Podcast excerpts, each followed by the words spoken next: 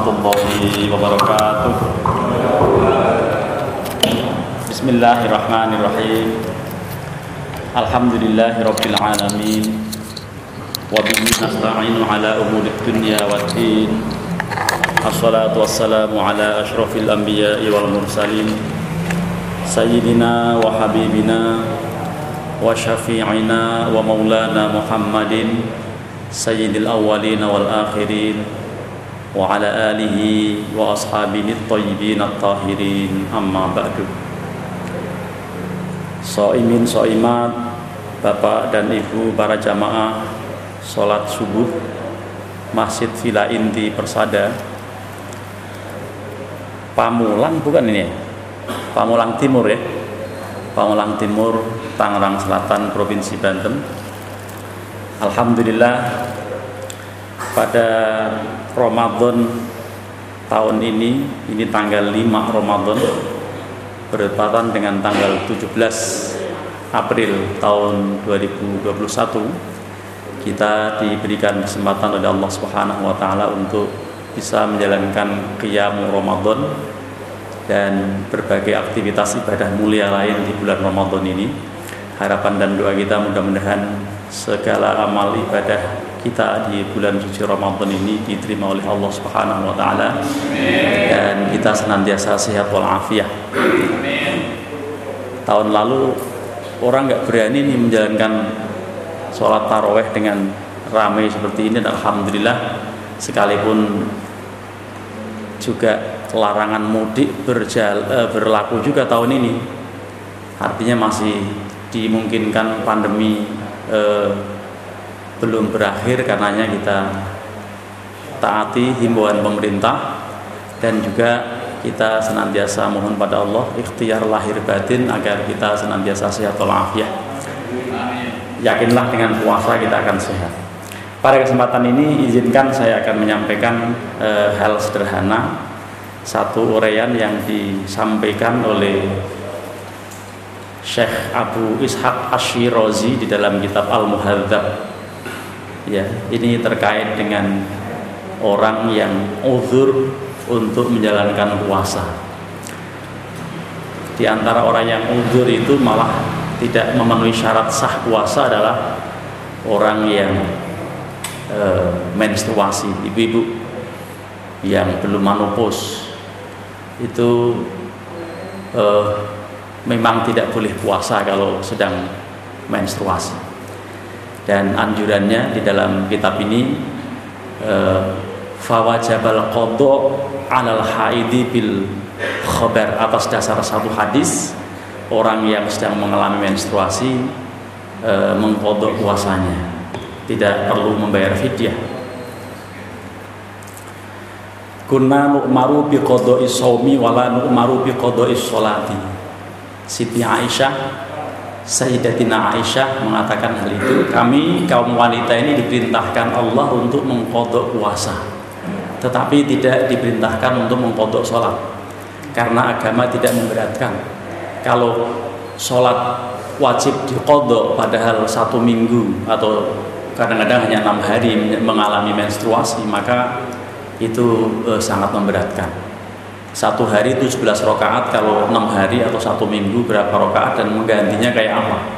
Itulah karenanya e, agama ini diturunkan Allah untuk e, mudah dijalankan.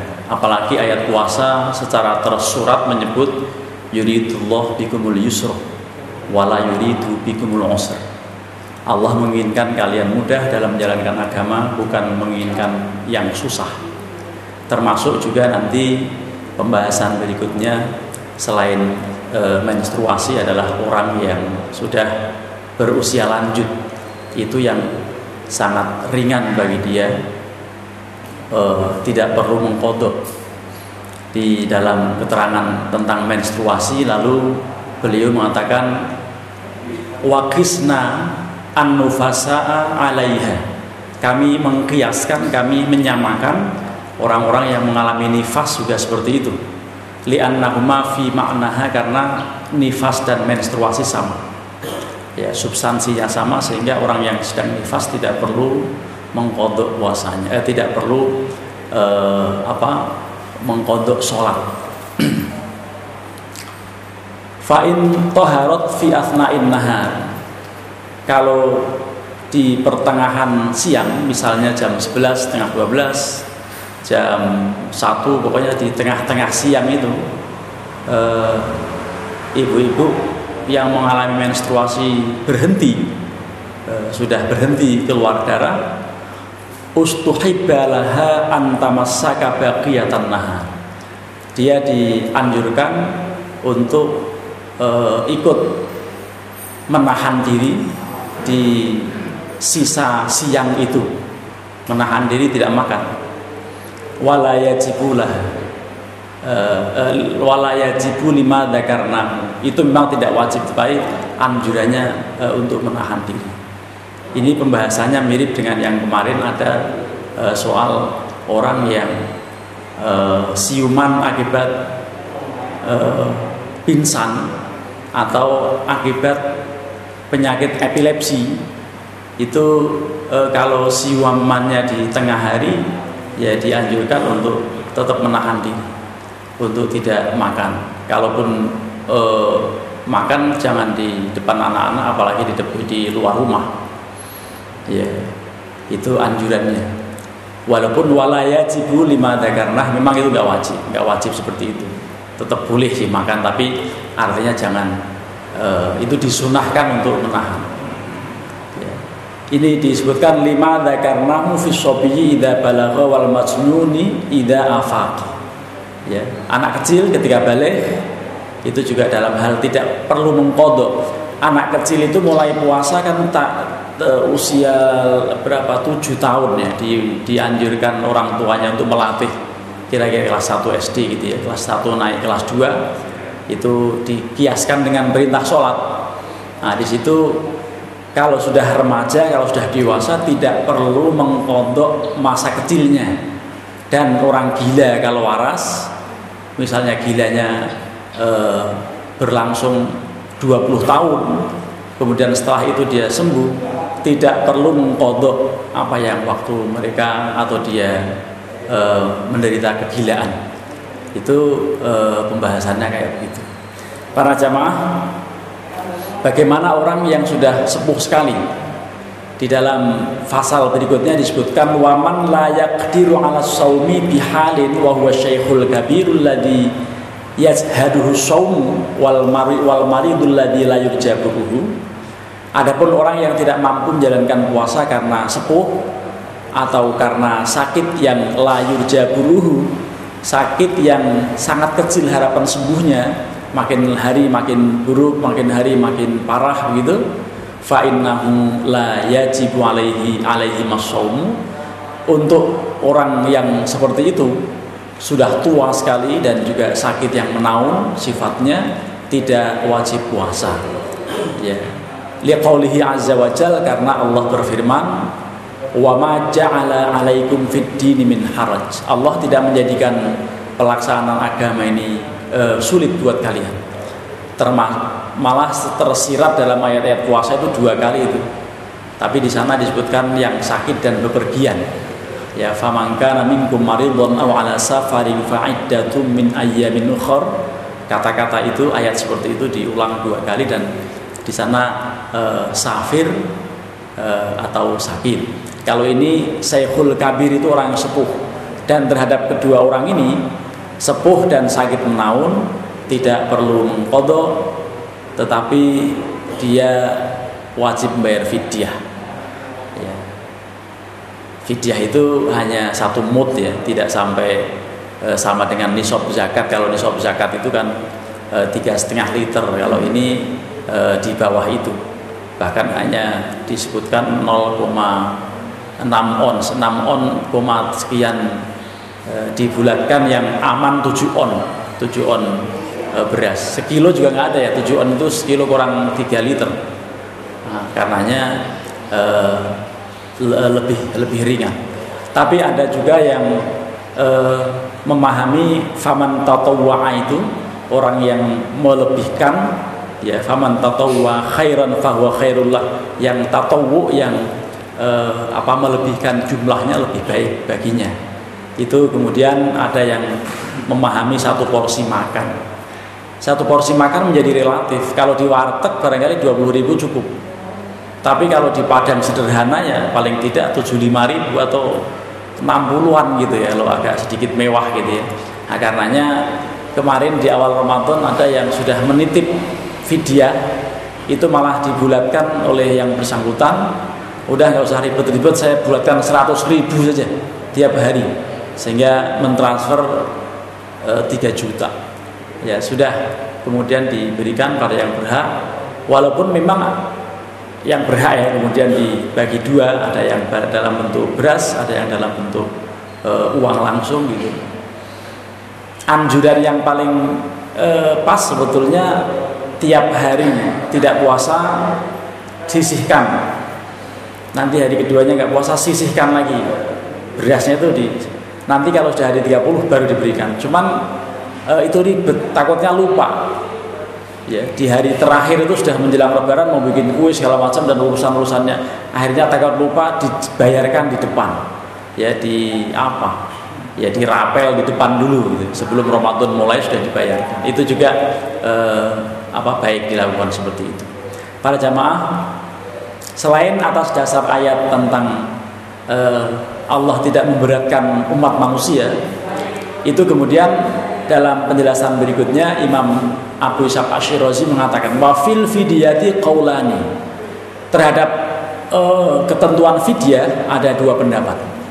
Ahaduhuma la tajibu li annahu asqata anhuma fardus saumi yang pertama mengatakan tidak perlu fidyah karena dia sudah uh, terbebas dari kewajiban puasa falam yajib alaihi mal fidyatu karenanya terhadap keduanya itu tadi tidak perlu fidyah kasobiyi wal majnuni seperti dianggap seperti anak kecil dan atau orang gila.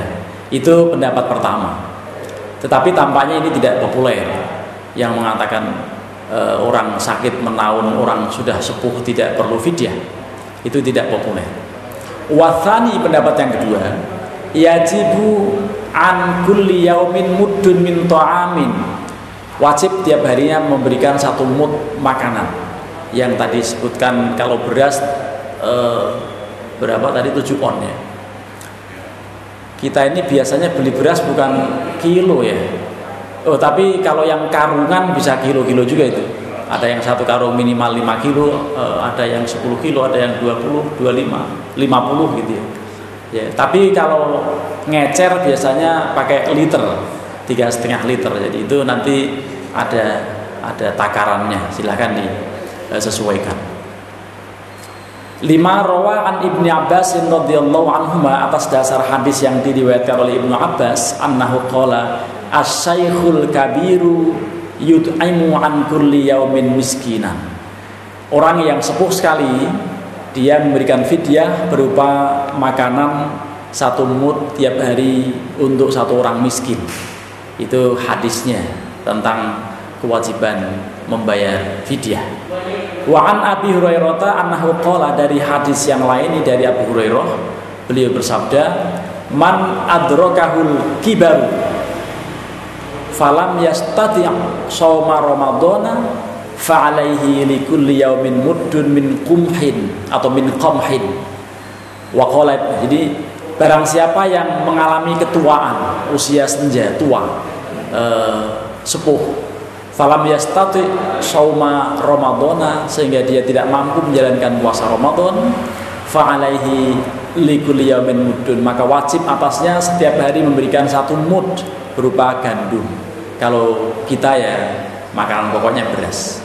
Wa qala Ibnu Umar radhiyallahu anhu Ibnu Umar Abdullah bin Umar mengatakan idza dha'afat anis saumi at'im angkuli muddin angkuli yaumin muddan. Kalau atau dibaca ida do'ifta boleh juga. Ketika anda sudah lemah karena tua maka eh, sehingga tidak mampu menjalankan puasa maka bayarlah eh, setiap hari satu mud ini hadis dari Abdullah bin Umar. Senada dengan hadis yang disampaikan oleh Abu Hurairah. Waruwiya dan juga ada hadis lain yang diriwayatkan anak insan atau anak unusan do'ufa anis saumi aman. Ya, oh bukan ini anak anasam ya. Jadi Anas bin Malik mengalami usia tua untuk kemudian beliau uzur menjalankan puasa aman selama satu tahun qabla wafatihi sebelum wafatnya orang kalau sudah tua itu begitu dan ini Anas bin Malik saja mengalami usia renta itu selama satu tahun. Ya qabla wafati sebelum beliau eh, beliau wafat. Fa'aftara wa at'ama wa illam ya, jadi beliau memberikan uh, juga memberikan membayar fidyah gitu ya. Uh, fa'aftara maka kemudian beliau gak puasa berbuka wa ama dan memberikan makanan berupa fidyah tadi wa illam yakdir ala saumi lima rodin yukhafu ziyadatuhu. Kalau tidak mampunya puasa itu karena sakit dikhawatirkan memang akan semakin bertambah parah. Ya wayarjul bur'a sementara dia masih ada harapan untuk sembuh. Ya ya tetapi dia takut gitu ya. Lam yajib alaihi shaum lil ayah karena eh, tidak wajib baginya untuk puasa atas dasar ayat tadi. Wa man kana minkum atau faman kana minkum maridun aw ala safarin maridun itu barang siapa yang sakit atau sedang bepergian sehingga tidak berpuasa dalam hari yang ketika sakit dan musafir itu gantilah puasa sejumlah yang ditinggalkan. Faida bari'a wajib alaihi al-qada'u liqaulihi azza wajal. Karena eh, kalau dia sudah sembuh dari penyakitnya maka wajib mengkodok dasarnya firman Allah faman kana minkum maridun aw ala safarin fa'iddatum min ayyamin para jamaah yang lain beliau sampaikan wa in asbaha iman wa huwa sahihun tsumma marido aftoro. Kalau di pagi hari kita ini seger sehat. Ya siap untuk berpuasa. Tsumma marido kemudian sakit. Di ya memang kalau sakit kadang datang tenggelam ya datang datang eh, kadang sakit kadang tidak gitu. Ada ada yang model seperti ini. Ya tsumma marido kemudian dia sakit. Aftoro boleh eh, tidak puasa walaupun niat dari pagi puasa li'annahu ubihalahul fitru lid karena dibolehkan orang yang tiba-tiba datang sakit walaupun dari dari pagi siap puasa tetapi tapi kalau sakitnya tiba-tiba hanya sakit biasa apa sakit biasa? Sakit lapar. Lah kalau puasa ngomong pak saya lapar sakit. Kemudian ya kalau itu ngaco itu. Memang tidak ada orang puasa nggak lapar. Orang puasa kok ngomong nggak lapar orang puasa katanya nggak haus ya nggak bisa nggak memang nggak normal kalau begitu. Dan itu hanya kita rasakan katakan ya tiga empat hari pertama. Sekarang udah kelima ya oke aja ke sana udah biasa karena hanya merubah jam makan ya merubah jam dan istirahat. Memang istirahat agak kacau ya. Biasanya ini kalau nggak ada uh, kajian kan langsung tepar ya. Ini juga ada yang sambil ngaji sambil tepar kan gitu. Ya wajar nggak apa itu karena yang begini tepar di masjid itu pahala gitu. Tapi kalau di rumah sedikit pahalanya gitu. Jadi naumu soimnya ibadah itu terkenal hadisnya ya. Cuma menjadi makruh kalau teparnya dari jam 6 pagi sampai jam 6 sore nah itu itu menjadi persoalan itu bahkan bukan lagi makruh itu haram Kenapa? Karena bisa meninggalkan duhur dan asar gitu. Jadi tidur ya tidur tapi sopan dikit gitu ya. Kita tadarusan dapat 4, 4 5 lembar lalu istirahat. Itu istirahatnya itu dianggap baca Quran. Gitu. Lalu kita bangun lagi e, bisa sholat duha atau apa jenis ibadah yang lain. Kita baca lagi Al-Qur'an. Sehari bisa tiga juz. Itu 10 hari hatam sekali. Nikmat. Kalau nggak ada kerjaan lain itu bisa. Tapi kalau kerjaannya macam-macam itu agak berat juga. Ya, minimal satu bulan hatam sekali. Itu anjurannya untuk menggapai kesempurnaan Ramadan kita. Nah kita lanjutkan kalimat beliau. Pagi hari sehat datang sakit itu aftar boleh nggak puasa? Li'annahu ubiha karena memang dibolehkan eh, bagi dia untuk berbuka lid karena ada kedaruratan. Ya. Wad daruratu maujudatun dan darurat itu memang betul-betul wujud betul-betul ada dalam diri orang yang punya penyakit seperti ini modelnya. Fajazalahul fitru maka boleh. Karenanya sampai ada paham yang yang sangat moderat. Pokoknya asal sakit sakit apa juga ya boleh nggak puasa sehingga disebutkan lo anda sakit apa? Sakit panu. Lah kalau sakit panu kok nggak puasa itu kan keterlaluan ya. Nah, karenanya sakit yang sopan lah gitu. Ya ya mungkin mah akut atau jenis penyakit apa. Tapi eh, di dalam kitab fikih sunnah kalau nggak salah orang yang bekerja berat itu katanya boleh nggak puasa. Ya saya agak bertanya-tanya tapi nyatanya kalau kita lihat fakta di lapangan ya itu ada orang yang gali-gali apa itu? Yang suka gali-gali masukin kabel-kabel di pinggir jalan itu. Oh, itu kerjanya luar biasa. Dan sudah begitu siang-siang ngerokok lagi. Saya lihat kemarin kayak begitu saya ngomong dalam batin ya Allah ini sudah di dunianya sengsara begini ya di akhirat apalagi karena dia nggak puasa. Tapi kalau dia muslim kalau nggak muslim ya silakan aja. Cuman anjurannya kan tetap menghormati yang puasa walaupun uh, orang non muslim tidak, uh, tidak wajib puasa gitu para jamaah kita lanjut sedikit ya. Ini uh, berakhir jam berapa ini pengajian kita ini? Karena makin lama makin digerutuin orang ini ya. Betapa indahnya untuk tidur. Dan tidur pagi Ramadan itu luar biasa nikmatnya. Mimpinya tidak bisa diulang lagi. Ya kita cerita mimpi pagi Ramadan nggak bisa karena mimpi mimpinya nyampur nyampur itu. Ya, silakan dibuktikan.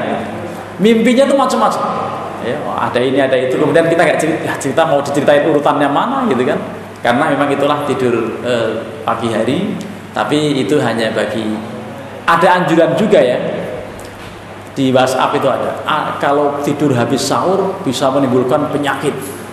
Iyalah kalau habis sahur. Dosa itu karena apa? Subuhnya ditinggal. Nah, tapi kalau tidur habis subuh itu berkah, gitu kan? Jadi kalau habis habis habis eh, sholat subuh ya nggak masalah. Faslun satu fasal lagi terkait fa'ammal musafiru fa'innahu idha kana safaruhu duna arba'ati burudin lam yajuz lahu ayaftur ayuftiro atau ayafturo. Musafir itu minimal 16 farsah atau 4 burud atau kalau kita berapa sih 86 km ya e, itu minimal. Zaman dahulu perjalanannya itu jalan darat padang pasir dalam kondisi yang luar biasa. Kita bayangkan kalau uh, di uh, da, di kawasan Arab itu seperti itu kondisinya. Sehingga safar itu bagian dari hal yang uh, sangat memberatkan. Sehingga itu dibolehkan untuk tidak puasa. Tapi kalau safar hari ini ya kita masuk Cipali jam sekian hanya dalam berapa menit nanti sampai Semarang tiba-tiba ya asal lancar dan sehat fisik sehat kendaraannya. Dan itu eh, ada yang kemudian tetap nekat puasa itu boleh juga seperti itu asal tidak membahayakan. Karena puasa kecenderungannya juga lemes ngantuk dan segala macam. Li'annahu isqatu farodin lis safar falaya jadi ini karena e, memang dianggap e, boleh ya e, dengan catatan tadi minimal 16 farsah 86 km tapi untuk zaman dahulu kalau zaman sekarang kayaknya bisa didiskusikan e, persoalannya itu. Masyakohnya kan tidak tidak kita temukan. Fala yajuzu fi maduna arba'ati burudin kal qasr.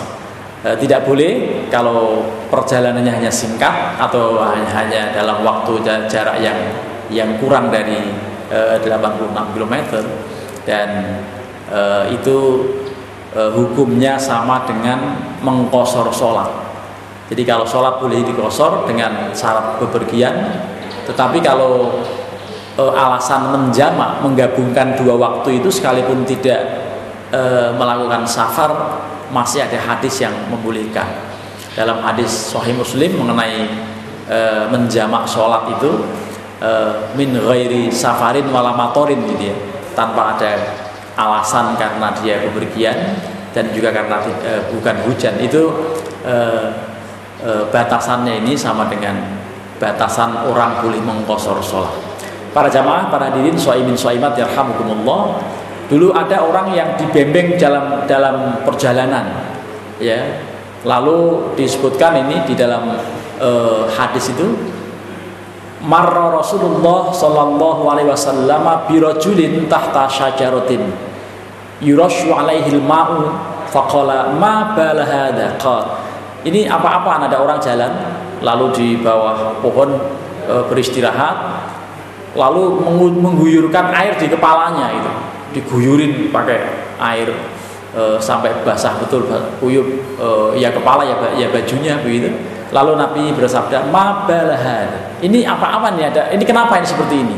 Kalau so imun ya Rasulullah dia itu puasa ya ya Rasulullah e, dalam kondisi seperti ini dia puasa dan karenanya biar seger dikit dia guyurin air di kepalanya gitu.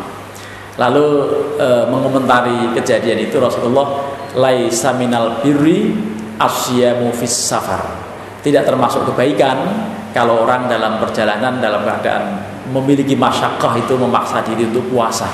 Jadi kita bayangkan masyakohnya seperti itu ya perjalanan yang e, menyita waktu termasuk juga e, panas dan e, segala macam. Fa'in somal musafiru thumma aroda ayafturo falahu ayaftur. Jadi kalau e, orang atau musafir sedang e, sudah niat puasa, kemudian ingin ingin e, melakukan e, buka falahu ayafturo boleh, ya karena memang dia ada niat untuk musafir. Para hadirin ini tentang musafir, tentang e, apa orang sakit, kemudian orang yang e, tua sekali atau asayhul kabir, kemudian e, ada orang menstruasi semuanya kondisinya berbeda-beda. Ya, belakangan e, yang menjadi suka dipertanyakan adalah ketika al hamil wal murdi. Ini tahun ini ada fatwa MUI terakhir ya tentang panduan Ramadan. Antara lain dikemukakan mengenai e, hal ini mengenai e, orang yang e, hamil dan menyusui termasuk ya seperti dalam kitab lah disebutkan dalam fatwanya itu. Ya orang yang hamil dan menyusui itu sebetulnya yang wajib bagi keduanya itu mengkodok puasa ya e, adapun membayar fidyah itu dilihat kondisinya mengkhawatirkan siapa e, e, alasannya itu dia tidak puasa e, yang dikhawatirkan apakah dirinya, apakah bayinya, apakah kedua-duanya. Nah, itu e, disebutkan dalam fatwa. Ya, ini antara lain dalam satu pasal yang terkait dengan itu. Ya, ini bagian terakhir. Faslun satu pasal wa in khafat alhamilu abil murdi'u ala anfusihima. Kalau orang yang hamil dan orang yang menyusui itu mengkhawatirkan e, diri masing-masing, baik yang sedang hamil maupun yang menyusui, minas saumi kalau dipaksa untuk puasa keduanya khawatir atas dirinya aftorota kemudian boleh e, berbuka boleh tidak puasa. Wa alaihima dan wajib atas keduanya itu al qodo dunal kafarah wajib mengkodo dianggap seperti orang e, sedang sakit atau musafir dan e, tanpa harus membayar fidyah kalau yang dikhawatirkan dirinya semata-mata. Kenapa li'an nahuma aftorota lil khawfi ala anfusihima? Karena keduanya orang yang hamil dan orang yang menyusui itu khawatir terhadap diri masing-masing, terhadap diri keduanya. Ya, bukan terhadap bayinya. Fawajaba alaihi mal qada'u dunal kafarah kal marid dianggap sama dengan orang sakit, dia hanya wajib mengkodok uh, puasa yang ditinggalkannya. Tetapi lain halnya ini yang dikutip oleh fatwa MUI itu kalimat seperti ini wa in khafata ala walidaihima aftorota walaihimal qada badalan anis saumi kalau dia mengkhawatirkan keduanya itu orang hamil dan menyusui yang dikhawatirkan anaknya anak keduanya itu baik yang hamil maupun yang menyusui aftorota keduanya boleh membatalkan atau boleh meninggalkan puasa wa alaihimal dan wajib juga mengkodok puasa badalan anis saumi. Ya ya mengganti puasa yang berapa hari ditinggalkan akibat. Tapi kalau orang menyusui kan memang dua tahun ya lalu ini ada diskusi soal tahun ini nyusui tahun depan hamil lagi tahun ini nyusui akhirnya eh, nggak pernah bisa puasa itu nanti ada diskusi soal itu. Wafil kafaroti satu akwalin lah terhadap keduanya yang mengkhawatirkan bayinya itu dia eh, kewajiban mengenai fidyah ada tiga pendapat. Qala fil ummi Imam Syafi'i di dalam kitab Al-Um mengatakan yajibu ala kullin ala kulli yaumin muddun min ta'amin wa huwa uh, as-sahih. Itu uh, wajib ya atas orang yang tadi orang hamil atau menyusui yang mengkhawatirkan atas uh, apa uh, bayinya masing-masing menurut Imam Syafi'i setiap hari membayar mut membayar fidyah itu uh, yang sahih pendapat Imam Syafi'i liqaulihi azza liqaulihi azza wa jalla karena ada firman Allah wa 'alal ladzina yutiqunahu fidyatun. Terhadap orang yang berat menjalankan puasa maka fidyah. Ini uh, pendapat Imam Syafi'i yang dikutip oleh Abu Ishaq Asyirazi dalam kitab Al-Muhaddab. Qala Ibnu Abbas Ibnu Abbas mengatakan ya nusikhat hadil ayah wa baqiyatir rukhsah. Ayat ini telah dinasah. Ya ketentuan hukumnya telah dinasah tetapi rukhsah dispensasi keringanan tentang hal itu lisaikhil kabir hanya untuk orang yang sudah sepuh tadi wal ajuz dan juga orang yang uh, sudah yang lemah wal hamil wal murdi dan juga orang hamil dan orang menyusui ya idza khafata ala waladaihima kalau keduanya e, mengkhawatirkan anaknya Wathani pendapat yang kedua anal kafarota mustahabun ghairu wajibah. Yang kedua mengatakan fidyah itu hanya sunnah, ya tidak wajib. Yang wajib mengkodok puasanya, ya itu pendapat kedua. Yang ketiga annahu yajibu alal murdi dunal hamil li annal hamil aftarat li makna fiha kal marid itu yang menyatakan wajib membayar fidyah itu hanya khusus yang menyusui katanya. Tapi orang yang hamil tidak. Karena hamil itu dia e, membatalkan atau dia berbuka puasa lima enam fihakal marid seperti orang sakit. Wal murdi aftorat liman liman fausolin anha. E, orang yang menyusui itu dia terpaksa tidak puasa karena e, hal yang berbeda atau karena e, hal yang terpisah maksudnya tidak dianggap sama dengan yang hamil.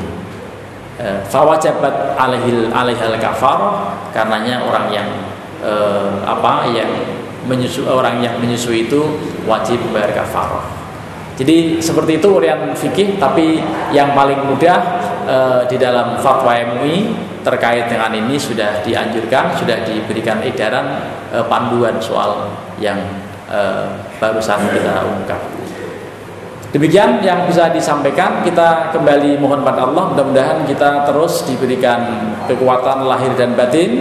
Kita semuanya sehat walafiat, bisa menjalankan qiyam Ramadan dan siam Ramadan. Seperti janji Rasulullah, barang siapa yang qiyam Ramadan atau yang siam Ramadan imanan karena iman pada Allah wahtisaban dan karena ikhlas ya mengharap semata-mata ridho dan pahala Allah ghufira lahu ma taqaddama min dambihi Allah akan ampuni seluruh dosa yang pernah dilakukannya. Mudah-mudahan kita menjadi kelompok muttaqin orang yang takwa pada Allah dengan akibat puasa dan maghfurin mendapatkan ampunan dari uh, Allah termasuk dosa-dosa kita disterilisasi akibat kita berbuat baik di bulan Ramadan ini. Terima kasih.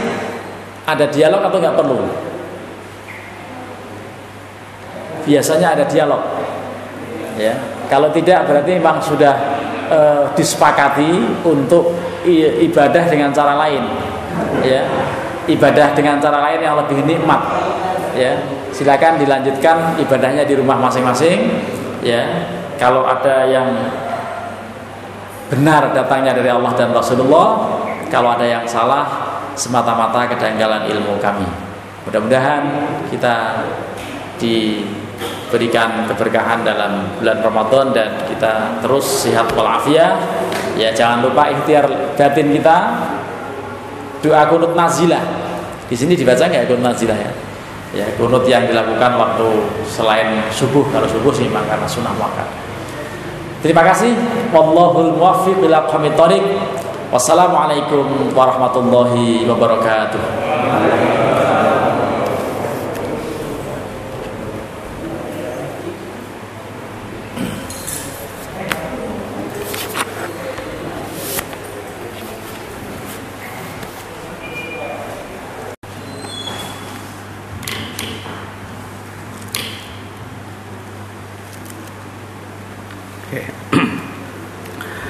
Assalamualaikum warahmatullahi wabarakatuh.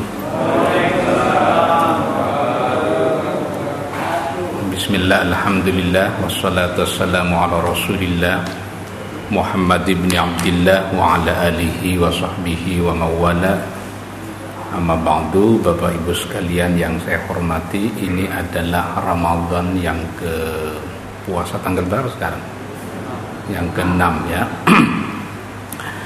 para mubalik sering kali menyampaikan bahwa di bulan Ramadan ini isinya ada maufirah dari Allah, ada ampunan atas segala dosa yang kita lakukan. Salah satu cara kita bertobat dari dosa yang kita lakukan Tadi Ustadz Zarkasi menyampaikan Fakultus taufiru rabbakum innahu kana ghaffara. Agar kita semua banyak membaca istighfar Meminta ampun kepada Allah. Salah satu fungsi dari istighfar itu Ini tadi ayat yang dibacakan Fakultus taufiru rabbakum innahu kana ghaffara yursilis samaa alaikum midrara. Kalau lagi musim kemarau lama tidak turun hujan maka hujan akan segera turun. Bukan hanya itu wa yumdidkum bi amwalin wa banina. Kalau rezekinya seret dengan membaca istighfar insya Allah rezekinya akan rezekinya akan lancar. Rezeki itu tentu bukan hanya uang ya. Kesehatan itu juga bagian dari rezeki dari Allah. Banyak orang yang gajinya besar tapi habis untuk bayar rumah sakit. Ada orang yang gajinya kecil tapi karena sehat fisiknya istighfarnya kuat tidak cepat panik. Kalau orang istighfarnya nggak kuat biasanya cepat panik ya. Sakit sedikit ke dokter padahal dikerokin aja sembuh. Nah, keluar di 300 ribu dan seterusnya. Jadi rezeki itu bukan hanya uang. Yang penting hidup ini kan cukup ya. Mau mudik ada uangnya. Kan gitu. Cukup. Mau bepergian ada mobilnya. Cukup. Ya kan? Mau nelpon ada handphonenya. Cukup. Jadi serba cukup anak mau berangkat kuliah ada mobilnya cukup. Cukup kan? Cukup. Jadi satu rumah berapa mobil? Jadi wayum didkum bi amwal. Kalau orang rajin baca istighfar kata Quran Allah menjanjikan kita akan dikasih harta yang banyak. Nabi yang kaya raya itu Nabi Sulaiman alaihi salam dikasih harta yang banyak. Tapi ada nabi yang tidak suka harta yang banyak. Lebih memilih hidup sederhana. Itu baginda nabi. Kita enaknya ikut Nabi Sulaiman atau nabi kita?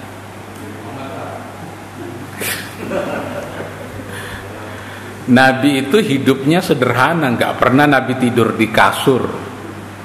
Digambarkan di dalam buku-buku sejarah, kalau Nabi habis tidur, kemudian jadi imam, itu kelihatan bekas pelepah kurma di pipinya ini. Karena tidurnya di atas pelepah kurma. Tadi bapak ibu lihat nggak ada pelepah kurma bekasnya di pipinya Ustadz Zarkasi? Lihat nggak berarti tidurnya tidak di atas pelepah kurma tapi di kasur. Jadi kita ikut Nabi atau ikut Nabi Sulaiman? Nah, ikut Nabi. Kalau sudah pensiun biasanya ikut Nabi ya. Jadi Nabi ini hidupnya sederhana. Pagi-pagi Nabi ke dapur nanya sama Siti Aisyah ada roti enggak ada gandum tidak ada makanan tidak untuk sarapan kata Siti Aisyah tidak ada Kata Nabi, "Faidzan anasaim." Kalau begitu saya berpuasa, puasa sunnah. Niatnya tidak diucapkan di malam hari, tapi diucapkan boleh di pagi hari. Pak Isom misalnya kan datang ke dapur nanya istrinya, ada nasi uduk tidak? Enggak ada. Ada kopi tidak? Enggak ada. Ada roti enggak? Enggak ada. Kalau begitu saya berpuasa ada nggak suami yang begitu? Nggak ada, nggak dibikinin kopi marah.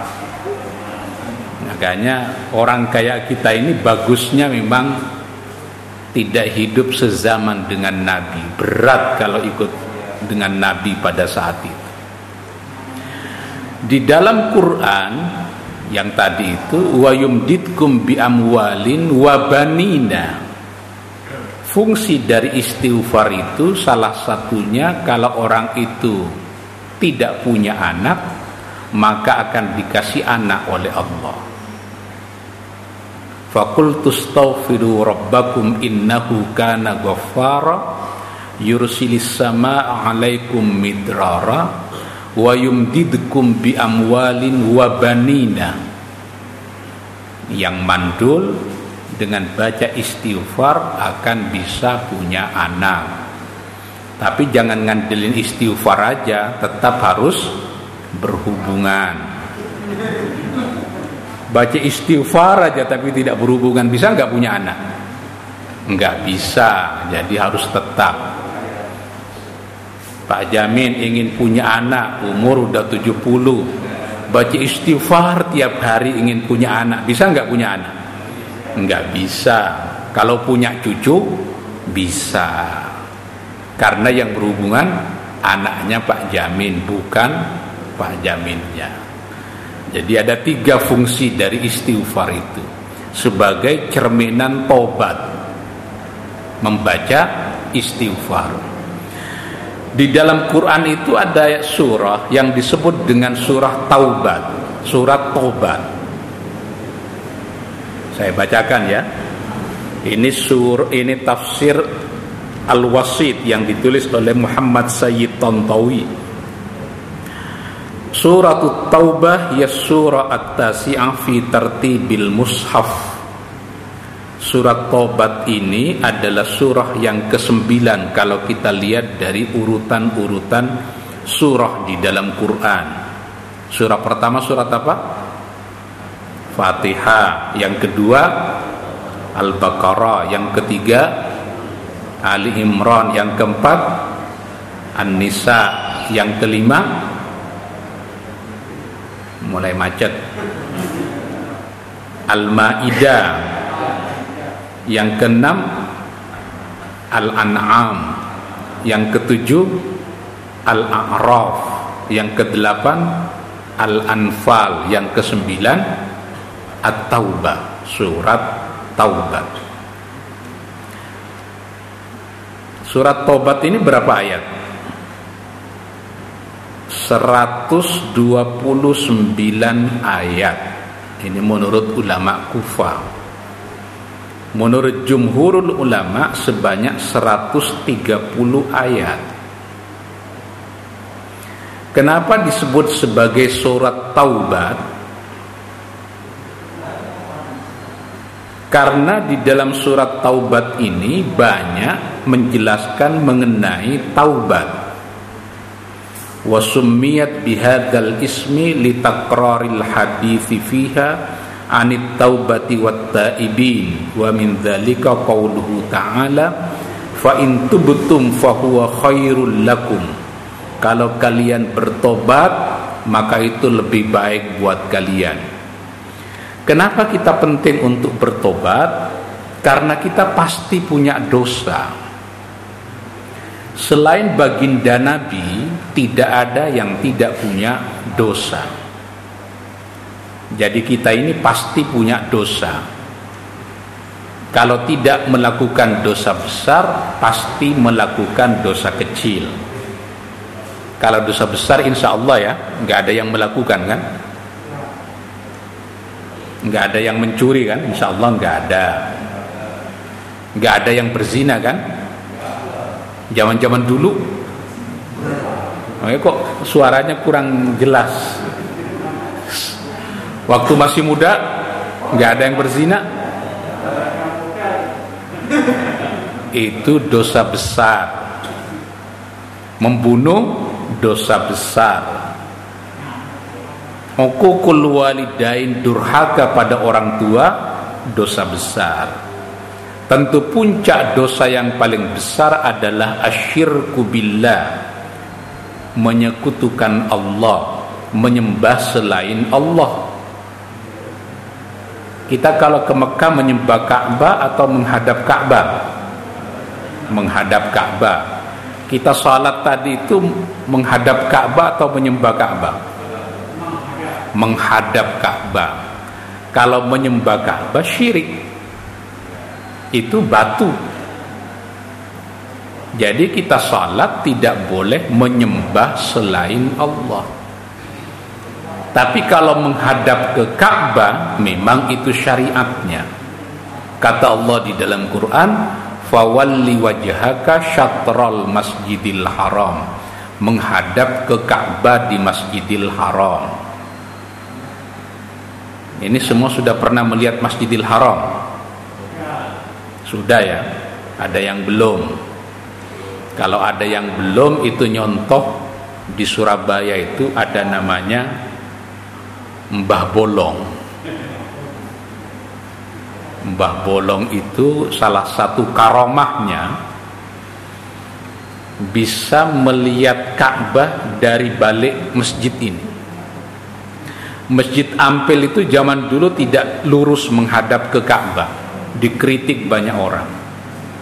Lalu buka jendela itu Ka'bah kelihatan. Itu salah satu karomah dari Mbah Bolong. Tadi ada yang lihat nggak? Tadi ada yang lihat Ka'bah nggak? Nggak ada.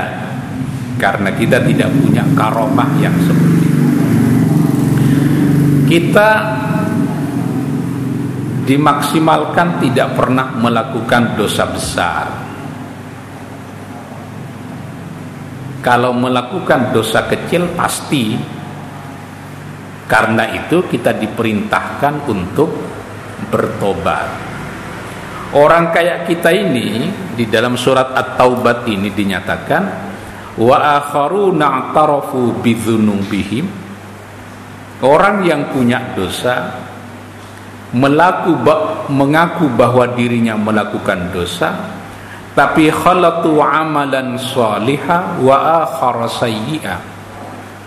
Dosa itu dioplos dengan amal salih yang ngerasani orang ia istighfar ia salat sambil ngaji ngerasani orang itu namanya dicampur antara amal salih dengan dosa. Kebanyakan kita kan begitu. Ya sehari-hari yang melakukan ibadah, amal saleh, sehari-hari juga melakukan dosa. Ini kebanyakan kita begitu. Sehari gak berdosa mungkin tidak. Kalau saya dulu di pesantren saya catat tuh mulai dari subuh ngapain sampai malam menjelang tidur ngapain kalau di pesantren mungkin kita berhasil tidak melakukan dosa salat berjamaah subuh habis subuh ngaji mandi sebentar masuk kelas menjelang duhur istirahat salat duhur berjamaah habis duhur ngaji habis ngaji masuk kelas lagi. Asar istirahat habis asar masuk kelas lagi. Maghrib menjelang maghrib makan maghrib berjamaah habis maghrib ngaji habis maghrib ngaji isya habis isya ngaji sampai jam 11 nggak sempat melakukan dosa. Nah, kalau di luar pesantren kemungkinan melakukan dosa besar. Sambil ngurus pembangunan masjid sambil ngerasani orang. Bisa tidak? Bisa. Bisa. Sambil beli sayur ngerasani orang. Bisa enggak bisa karena itu untung ada pandemi ini agar kita pakai masker. Mulut kita ini tidak banyak ngerasani orang. Ini peringatan dari Allah. Ya, jadi model kayak kita ini melakukan dosa iya, melakukan ibadah iya. Tapi kata Allah di dalam Quran, orang yang seperti kita ini, rajin ibadah tapi juga sering berdosa asallahu ayyatuba alaihim. Mudah-mudahan dosa yang kita lakukan ini dite apa namanya diampuni oleh Allah. Mudah-mudahan. Ada yang dosa hilang karena habis beruduk habis beruduk melihat lawan jenis nafsu berdosa ngambil wudhu hilang dosanya. Karena salah satu yang berperan mendoakan kita mengistighfari kita adalah malaikat yang menempel pada tubuh kita ketika kita selesai berwudhu. Itu kan tetesan air itu jadi malaikat banyak jadinya Makanya kata para ahli fikih dimakruhkan kalau kita habis beruduk dilap. Kalau kita habis beruduk dilap nggak? Dingin masalahnya ya. Berarti menghilangkan malaikat itu. Jadi dibiarin bercucuran. Tapi kalau sholat jangan diminum. Nih habis beruduk, mukanya basah, ada yang netes. Lagi subuh gitu beruduk netes. Diminum. Bukan hanya batal puasanya tapi juga batal apanya? Salatnya. Wah pinter Pak Isom jadi bukan hanya batal puasanya karena ketika salat itu tidak boleh makan dan minum lagi salat subuh gini kok ada sisa kurma di giginya Pak Jamin? Oh, kesempatan nih lagi salat. Dilanjutkan ke dalam. Bukan hanya batal puasanya tapi batal salatnya. Karena ketika salat kita tidak boleh makan dan minum. Kecuali kalau terminum kalau terminum gimana? Tidak batal puasanya. Tidak batal puasanya. Oke, jadi itu penting ya. Beruduk tidak boleh dilap. Sunnahnya begitu. Tidak boleh dilap. Nah, habis wudhu ngapain kalau ke sini? Salat tahiyatul masjid, niat i'tikaf Tadi sudah dibimbing kan niat iktikaf selalu. Jadi kita di sini ngaji mendapatkan pahala iktikaf dan pahala ngaji. Sekalipun ngajinya sambil tidur. Lumayan dapat telur puyuh kan? Lumayan. Karena ngajinya sambil tidur. Pahalanya kecil. Jadi asallahu ayyatu ba'alaihi mudah-mudahan Allah menerima tobat kita apalagi ini di bulan Ramadan. hari ke-6 bulan Ramadhan. Nah, di dalam surat Taubat ini Allah juga menjelaskan mengenai soal perang. Itu sebabnya di dalam surat Taubat yang disebut dengan surat Bara'ah kita tidak boleh membaca basmalah. Ini kan juga disebut surat Bara'ah. Tidak boleh membaca basmalah. Karena ketika perang itu terjadi, haus ya saya nggak boleh minum kan ya ketika perang itu terjadi saat itu seakan-akan kasih sayang Allah tidak ada. Padahal Allah itu Bismillahi Ar-Rahman Ar-Rahim. Karena itu tidak usah membaca basmalah. Langsung saja bara'atun minallah. Langsung saja. Ada kisah mengenai perang di dalam surat Taubat ini. Karena ketika Nabi nyampe ke Madinah, yang dihadapi oleh baginda Nabi bukan hanya orang musyrik Mekah yang menyerang kota Madinah sehingga pecah perang Badar, pecah perang Khandaq, perang Parit, pecah perang Uhud, tapi juga Nabi menghadapi serangan dari dalam penduduk Madinah dari orang-orang Yahudi Madinah Bani Nadir, Bani Quraidah dan Bani Qainuqa. Itu tiga suku Yahudi besar. Siapa aja?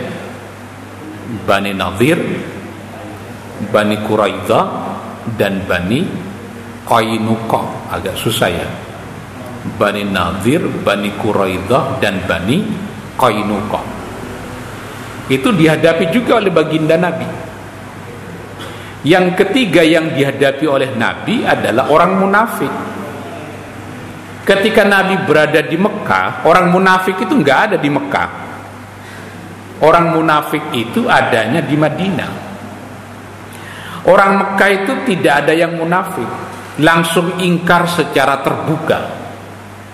Saya tidak percaya engkau Nabi Muhammad. Nggak ada yang sembunyi-sembunyi. Nah, di dalam kota Madinah, Nabi menghadapi orang munafik juga. Di dalam surat Taubat dinyatakan, "Wa mimman haulakum minal a'rabi munafikuna." Di antara orang-orang Arab Badui itu ada orang munafik. Wa min ahlil Madinati maradu 'alan nifaqi di dalam penduduk Madinah itu juga ada orang yang berlebihan di dalam kemunafikan. Tapi kata Allah di dalam Quran, La ta'lamuhum engkau Muhammad tidak tahu siapa orang munafik itu Nahnu na'lamuhum Kami yang tahu siapa orang munafik itu Jadi Nabi tidak tahu mengenai siapa-siapa saja penduduk Madinah yang tergolong orang munafik. Jadi kita nggak bisa sok-sokan ini munafik, ini bukan, ini munafik nggak bisa.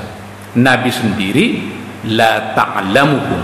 Engkau Muhammad kata Allah tidak tahu daftar orang munafik itu. Tapi nanti pada akhirnya Nabi dikasih tahu jadi Nabi tahu orang munafik itu karena dikasih tahu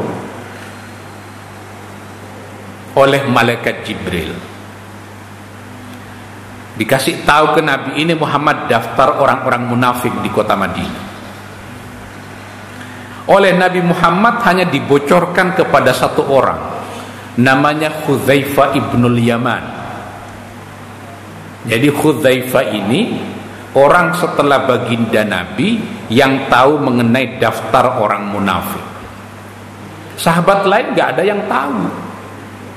Makanya ketika Nabi wafat, ada orang di Madinah meninggal dunia, Umar bin Khattab mengecek apakah Hudzaifah ibnul Yaman ikut mensalati atau tidak, ikut salat jenazah atau tidak.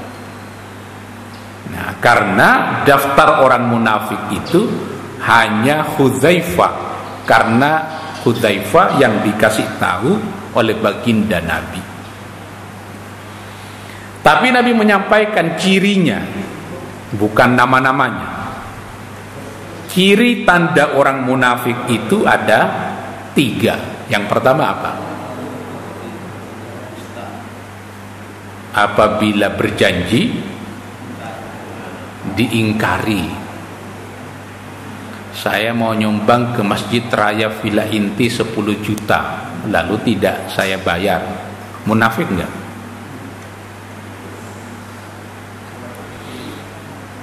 Apabila berjanji diingkari.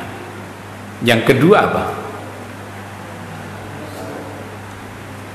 Wa idza wa'ada akhlafa. Yang kedua Hah? Berkata dusta, berbohong. Berbohong ini sering ini ya, tidak bisa dihindari ya. Kalau begitu kita munafik nggak?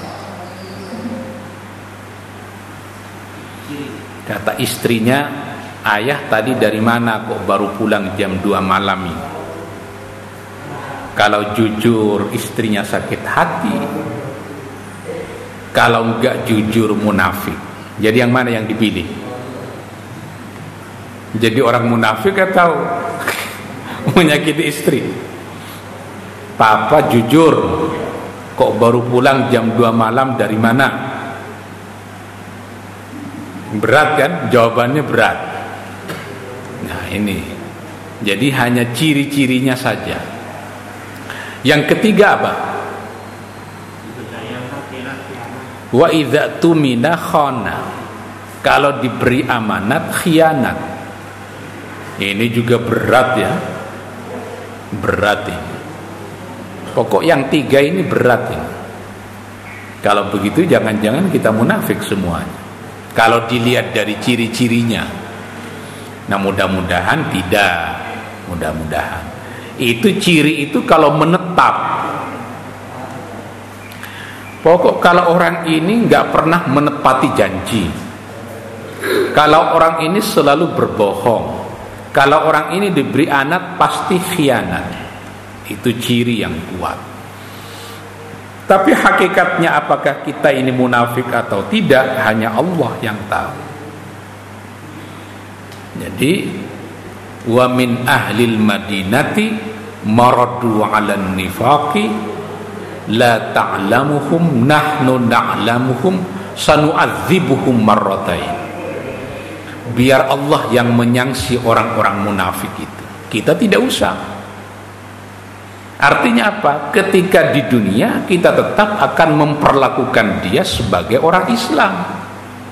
Kalau dia meninggal ya disolati. Kan kita nggak tahu dia munafik. Ini karena 2024 masih lama ya. Kan masih lama kan? Mumpung masih lama penting disampaikan. Karena kita tidak tahu mereka itu munafik atau tidak kalau meninggal tetap kita perlakukan sebagai orang Islam. Ini yang kedua.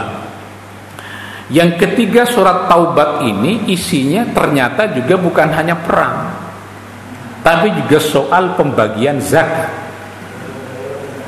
Innamas sadaqatu lil fuqara'i wal masakin Sesungguhnya sedekah kata sedekah di dalam ayat ini artinya sedekah yang wajib yaitu zakat. Zakat itu diperuntukkan buat siapa? Yang pertama adalah buat orang fakir. Yang kedua buat orang miskin. Lebih parah fakir ya ketimbang miskin. Kalau fakir itu nggak punya yang mau dimakan. Kalau miskin itu punya tapi nggak cukup. Akhirnya telur satu biji dibagi sepuluh. Itu namanya miskin. Kalau tidak punya telur itu namanya fakir. Kalau telurnya banyak, kaya namanya. Innamas sadaqatu lil fuqara wal masakin wal amilina 'alaiha panitianya juga mendapatkan bagian zakat. wal muallafati qulubuhum dan orang yang baru masuk Islam. Ini kalau baru masuk Islamnya kaya dikasih nggak bagian zakat? Hah? Zaman Nabi orang-orang yang kaya yang baru masuk Islam dikasih bagian zakat untuk menenangkan hati mereka biar lebih mantap di dalam Islam. Tapi itu kan yang kesekian. Yang pertama itu fakir miskin dulu. Yang dililit hutang, yang wabnis sabil, yang tidak punya dana ketika musafir, fisabilillah berjalan di jalan Allah itu mendapatkan bagian zakat delapan or apa delapan kelompok. Di kampung-kampung itu banyak kiai-kiai, guru-guru ngaji yang memenuhi persyaratan ini. Dia ngajar kitab, ia dia fakir dan miskin. Itu lebih wajib lagi untuk memprioritaskan mereka mendapatkan bagian zakat guru-guru ngaji yang ngajarin Quran di musalla-musalla di kampung-kampung dan seterusnya. Boleh nggak kita berzakat ke orang di kampung? Padahal kita di sini. Boleh. Boleh. Kalau kita di sini berkorban di kampung boleh nggak? Ada yang tidak membolehkan. Karena prioritaskan yang ada di sekitar sini. Kecuali di sekitar villa inti nggak ada orang miskin. Nggak ada orang fakir. Kita berkorbannya di kampung itu boleh. Jadi zakat ini zakat mal ya. Zakat mal. Kalau zakat fitrah gimana? Kalau zakat fitrah ini seluruh orang Islam wajib mengeluarkan zakat fitrah. Kalau zakat mal tidak seluruh orang Islam wajib mengeluarkan zakat mal. Sekarang PNS mau dipotong gaji ya untuk mengeluarkan zakat mal. Padahal ada PNS yang tidak wajib mengeluarkan zakat mal setelah ditotal jumlah kekayaannya satu tahun 60 juta. Wajib nggak mengeluarkan zakat? Tidak wajib. Yang wajib berapa juta? Satu tahun. Pokok hitungannya 85 gram emas. Berapa? 85 juta baru mengeluarkan zakat itu pun 85 juta itu dimiliki selama satu tahun. Kalau tidak dimiliki selama satu tahun wajib nggak mengeluarkan zakat? Setiap bulan gajinya habis untuk makan. Tidak wajib mengeluarkan zakat. Yang wajib itu kalau saya punya deposito 100 juta ngendon di situ bertahan satu tahun wajib dikeluarkan zakat tapi kalau yang gaji masuk ke saya setiap bulan boro-boro berlebih tapi kurang, wajib nggak mengeluarkan zakat? Tidak wajib mengeluarkan zakat. Dari mana aturannya itu? Oke. Kalau saya punya mobil, saya pakai sendiri untuk ngajar ke kampus, wajib nggak mengeluarkan zakat? Pak Kron dizakati nggak mobilnya? Pak Islam dizakati mobilnya. Jadi objek zakat dengan objek pajak itu berbeda. Kalau saya punya rumah, saya tempati, wajib nggak dikeluarkan zakatnya? Tidak wajib. Mobil yang saya kendarai wajib nggak dikeluarkan zakatnya? Tidak wajib. Rumah yang kita tempati wajib nggak dikeluarkan pajaknya? Wajib. Mobil yang kita kendarai wajib nggak dikeluarkan pajaknya? Wajib. Jadi enaknya gimana ini? Objek pajak dengan objek zakat itu berbeda. istri Pak Islam punya perhiasan dipakai wajib nggak dikeluarkan zakatnya tidak wajib. Yang wajib dikeluarkan zakatnya itu kalau Pak Islam punya perhiasan. Karena laki-laki haram punya perhiasan. Kalau punya maka dikeluarkan zakatnya. Istri Pak Isam punya perhiasan dipakai ini tapi juga punya perhiasan lain untuk disewakan. Wajib dia dikeluarkan zakatnya. Wajib. Saya punya mobil 10 9 saya rentalkan. Wajib nggak dikeluarkan zakatnya? Wajib. Karena ada usaha di situ. Makanya Islam itu objektif. Mana yang objek zakat dan mana yang bukan objek zakat enak kan ya Le rumah yang kita tempati kan tidak menghasilkan Ong kenaikannya juga diikuti oleh inflasi kan hakikatnya nggak naik Coba dulu kita beli rumah di sini berapa? 100 juta kan? Sekarang kita jual berapa? 600. Pak Haji Wahid ternyata di sini lupa mau saya jadikan contoh mulai tadi. Kayaknya bertobat duduk di depan saya takut jadi contoh. 100 juta dulu belinya sekarang dijual 900 makanya Abdurrahman bin Auf itu orang yang kaya raya ketika surat Quran turun berbicara mengenai infak dia ingin memilih hidup sederhana rupanya gagal. Karena kekayaan yang dia miliki itu bukan dia infakkan tapi dia jual bukan tambah miskin malah tambah kaya. Pak Jamin ke Pamulang tahun 70 beli tanah 1 meter 10 ribu. Dijual sekarang.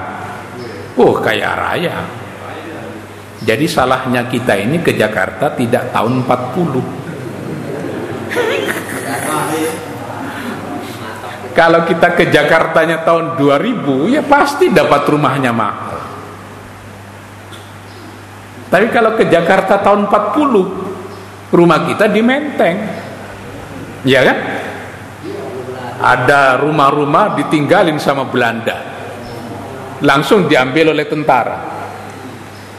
Tapi pemerintah nggak mau kecolongan. Rumah yang di Menteng pajaknya dinaikin. Akhirnya banyak rumah-rumah yang dijual karena tidak kuat bayar pajak. Jadi kita mengerti sekarang mana objek pajak dan mana objek zakat. Objek zakat itu rasional. Pokok yang memiliki nilai bisnis, nilai ekonomi dikenakan zakat. Itu pun ada nisabnya. Bukan lalu sembarangan penghasilan di bawah UMR lalu dikenakan pajak. Orang yang jualan pecel lele di pinggir jalan itu kena iuran nggak itu? Padahal hanya untuk makan aja. Kalau usahanya Pak Haji Wahid di sini kena zakat nggak itu? Nah, zakat dengan infak itu berbeda. Dengan sedekah berbeda. Beda itu zakat dengan infak sedekah itu berbeda jadi ada zakat ada infak ada sedekah ada hibah ada hadiah beda saya boleh nggak menerima hadiah? Saya PNS boleh nggak menerima hadiah? Tergantung ya tergantung. Tapi kalau saya ketua Mahkamah Agung dapat hadiah boleh nggak?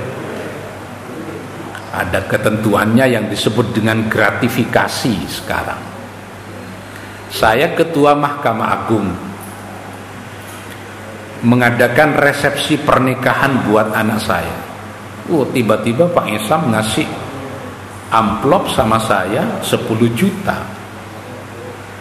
Boleh nggak saya menerima? Maka ada ketentuan yang disebut dengan gratifikasi. Zaman dulu nggak ada itu konsep gratifikasi. Itu diperlakukan sebagai hadiah. Tapi sekarang nggak boleh. Itu adalah gratifikasi. Boleh nggak saya menerima hadiah dari mahasiswa saya? Saya dosen negeri. Boleh nggak? Sekarang disebutnya bisa gratifikasi. Mahasiswa datang sama saya ngasih batik. Boleh nggak saya menerima? Di dalam bahasa KPK itu namanya gratifikasi. Kalau batik 2 meter masih sanggup saya tolak Nah, kalau sekarang mahasiswa setelah lulus sudah munakasya datang sama saya. Pak, saya punya Alphard satu. Ini buat bapak nih. Boleh nggak saya terima? Nah, boleh.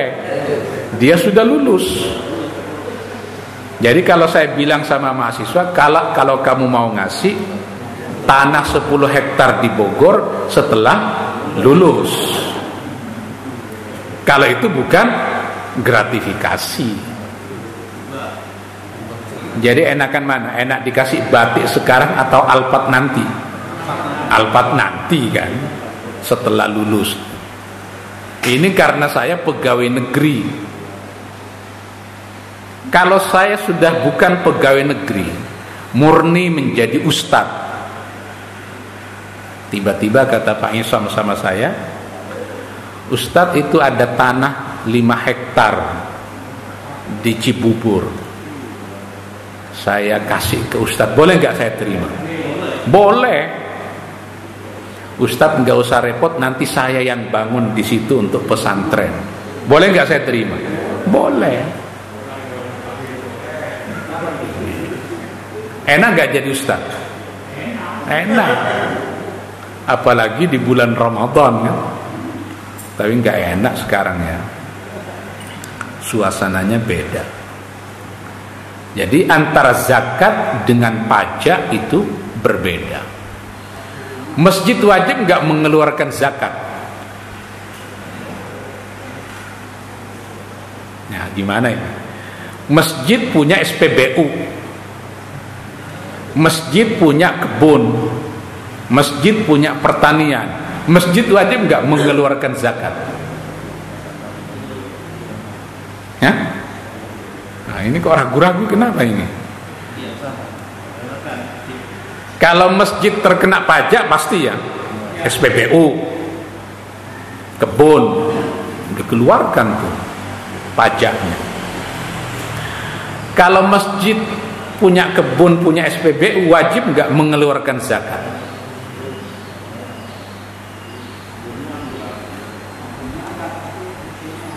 Nah, Hah? Ya masjid punya usaha,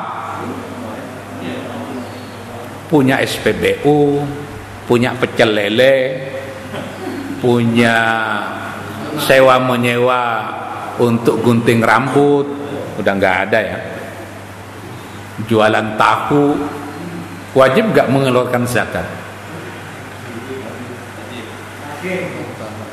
Oh, ini kok masjid jadi bayar zakat ini gimana ceritanya ini?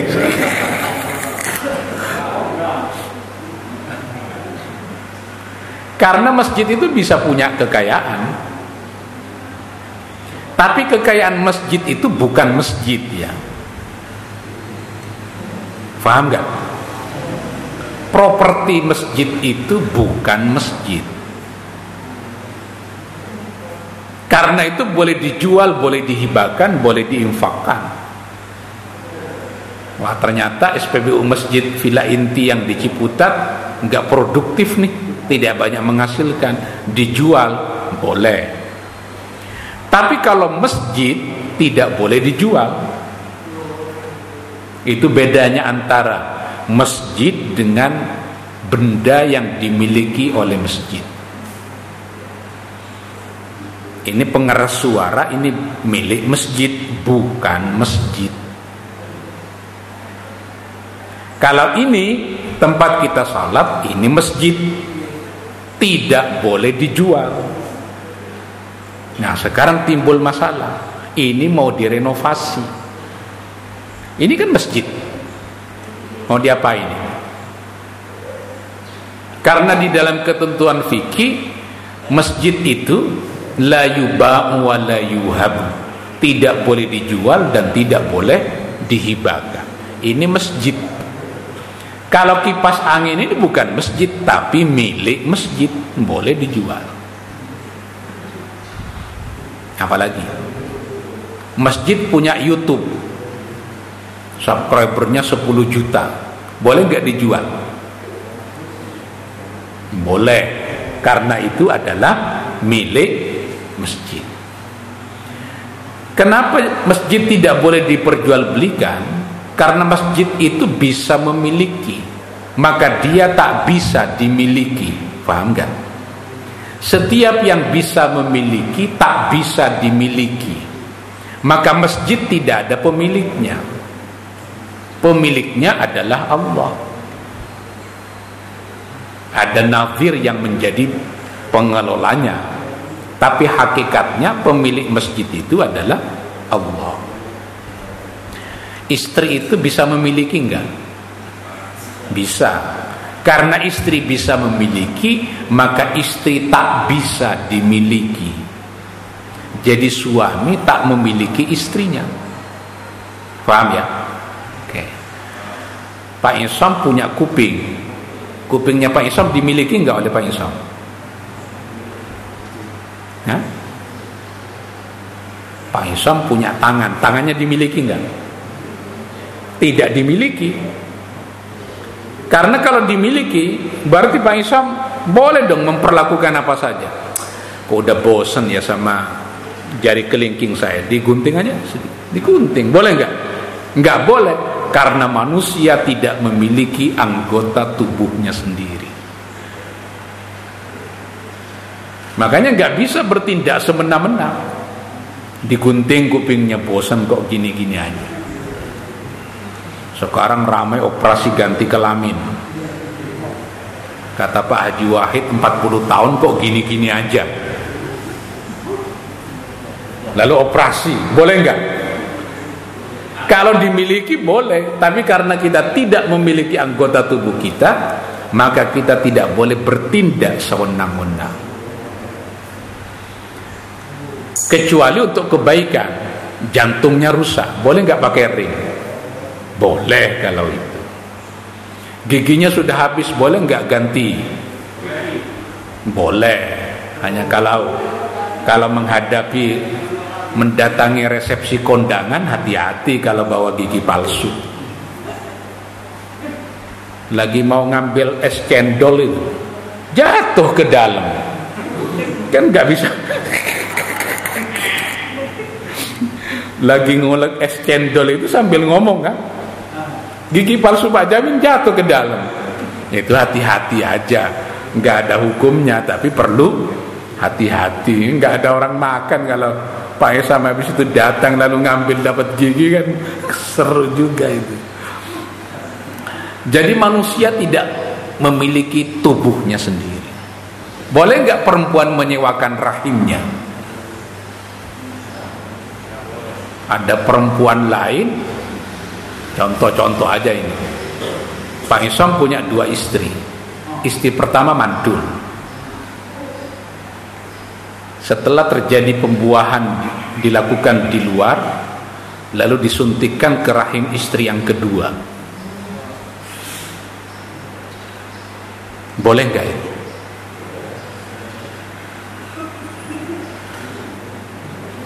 Nanti bingung itu yang mana ibunya. Ada yang memiliki sel telur tapi tidak melahirkan. Ada yang melahirkan tapi tidak ikut memiliki sel telur. Siapa ibunya? Ini zaman dulu kan nggak ada kayak begini. Zaman dulu itu selalu yang melahirkan dia yang memiliki sel telur. Makanya Islam ini harus bekerja keras para ulamanya untuk merespon persoalan-persoalan baru yang tidak pernah terjadi zaman dulu. Pokok ketika kita meninggal dunia hadir dalam bentuk yang asli. Ada yang nanya sama saya, Gimana kalau giginya palsu? Dicopot enggak? Ya kalau pasangan copot, kalau menetap gimana? Itu menyakitkan buat jenazah, makanya tidak perlu dicopot. Kok sampai ke sini ya penjelasannya ya? Jadinya ke mana-mana. Oke, padahal ini baru berbicara pengantar mengenai surat Taubat. Belum masuk ke ayat taubatnya. Bara'atun minallah dan seterusnya. Ada yang mau nanya nggak? Ya silakan. Assalamualaikum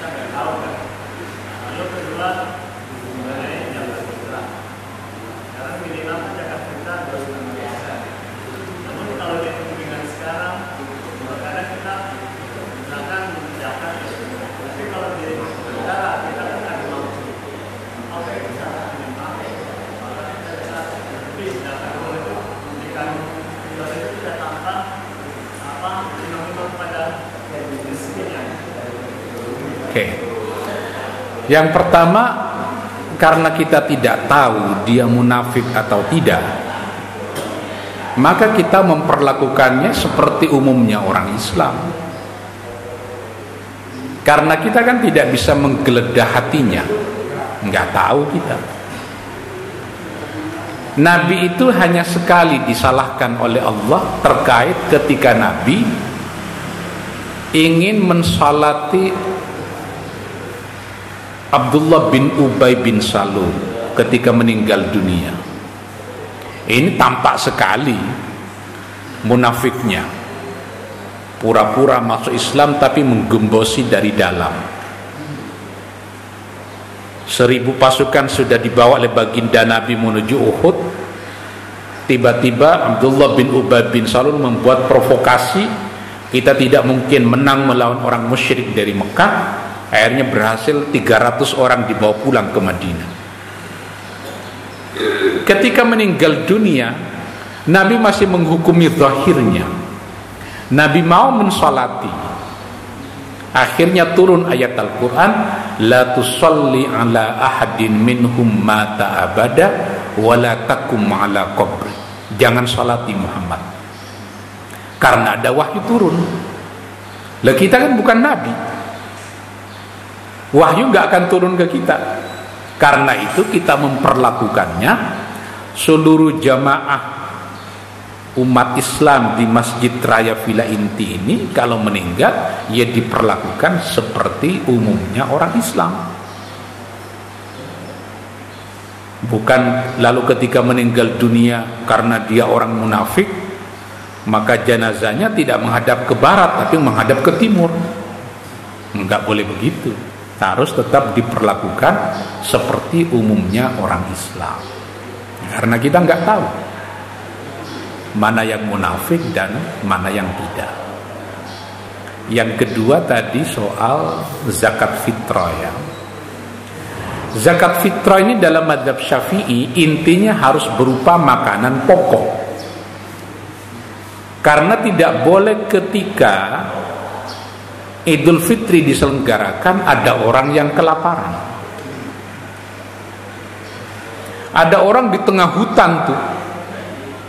kering kerontang nggak apa nggak ada apa-apa lalu kita ngasih zakat fitrahnya berupa uang ada gunanya nggak nggak ada gunanya di tengah gurun Sahara dia kelaparan kita datang bawa zakat fitrah berupa uang yang nggak ada gunanya masa suruh makan uang jadi uang itu punya makna kalau ditukar dengan benda Walaupun sekarang kita repot ya, punya uang enggak sih? Kita transaksi tiap hari pakai GoSend, pakai GoFood, pakai apa? Seakan-akan punya uang kan? Uangnya uang maya itu, bukan uang yang bisa dipegang. Nanti kalau ada pembahasan fikih bisa dibicarakan. Jadi zakat fitrah itu harus berupa makanan pokok dalam mazhab syafi'i tapi kalau makanan pokok semua beras semua tidak produktif ini beras saja nggak ada telurnya nggak ada lauknya makanya di dalam mazhab Hanafi diperbolehkan diganti dengan nilai sejumlah zakat fitrah itu maka boleh diganti dengan uang kalau seluruh orang di villa inti zakat fitrahnya berupa beras, ya hanya makan nasi doang. Tidak ada tidak ada lauk pauknya dan seterusnya. Karena itu boleh diganti dengan nilai uang dua setengah persen Berapa dua setengah persen nilai uang yang dikeluarkan? Berapa?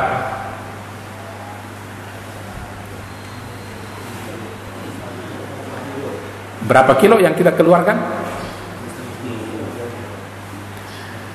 Tergantung berasnya, ya kan? Pak Haji berapa sekarang kalau beras paling mahal berapa Pak Haji sekarang? 12 ribu satu liter ya. Yang paling murah 8 ribu. Yang mana ini yang mau kita keluarkan? Nah, ini yang menjadi perselisihan di kalangan para ulama ketika dikonversi menjadi uang dari beras yang mana yang kita keluarkan. Makanya kalau saya saya mengeluarkan zakat fitrah untuk anak, istri saya di kampung. Dikeluarkan dalam bentuk beras. Kalau bukan beras nasi tapi ketan, tahu ketan nggak? Boleh nggak? Ketan itu makanan pokok nggak? Boleh, boleh. Sekarang orang Papua mau mengeluarkan zakat, yang dikeluarkan beras apa sagu? Dikasih beras malah nggak cocok perutnya. Kalau dikasih sagu malah cocok. Saya pernah di dihidangin sagu yang di yang diputer-puter itu. Kayak kayak lem nggak enak ya ternyata ya. kita ini kan tidak tumbuh dalam tradisi itu dalam makanan itu nah nenek moyang kita zaman dulu makannya apa beras atau bukan bukan Oh kita itu makannya zaman dulu ya ketela, zaman dulu banget ini. Beras ini dibawa oleh Cina. Akhirnya kita di Indonesia zaman dulu di Madura masih pakai jagung. Otak kita di diubah mindsetnya. Pokok kalau makan jagung itu ayam. Ya kan? Kan itu diubah mindset. Padahal sehat. Sehingga nasi putih itu adalah dianggap lebih berkelas ketimbang jagung. Akhirnya jagung tidak ada sagu juga makin sedikit nggak ada Padahal tubuh kita ini dipersiapkan oleh Allah cocok dengan makanan yang tumbuh di Indonesia. Kalau kita kayak orang Arab setiap hari makan kambing ya rusak tubuh kita. Memang nggak cocok. Nah kita cocoknya itu jangan banyak-banyak. Oke, jadi makanan pokok tapi boleh ditukar. Yang paling aman berapa nilainya? Anggap ini adalah batas minimal. Lebih boleh nggak? Boleh tapi kita niati sebagai sedekah biasa bukan sebagai zakat fitrah kita niati begitu bahkan dikonversi lebih tinggi 5 kilo itu boleh nggak apa-apa. Karena para ulama berselisih mengenai berapa liternya itu. Nanti ulama berselisih liter apa ini di kitab-kitab fikih? Liter Baghdad zaman dulu liter Kufa atau liter mana? Itu beda-beda. Jadi yang paling aman dinaikkan.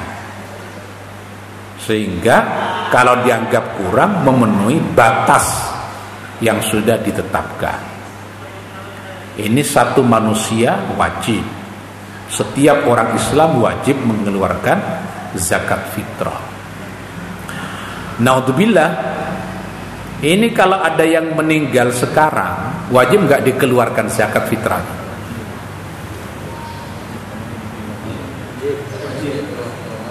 Sudah masuk Ramadan.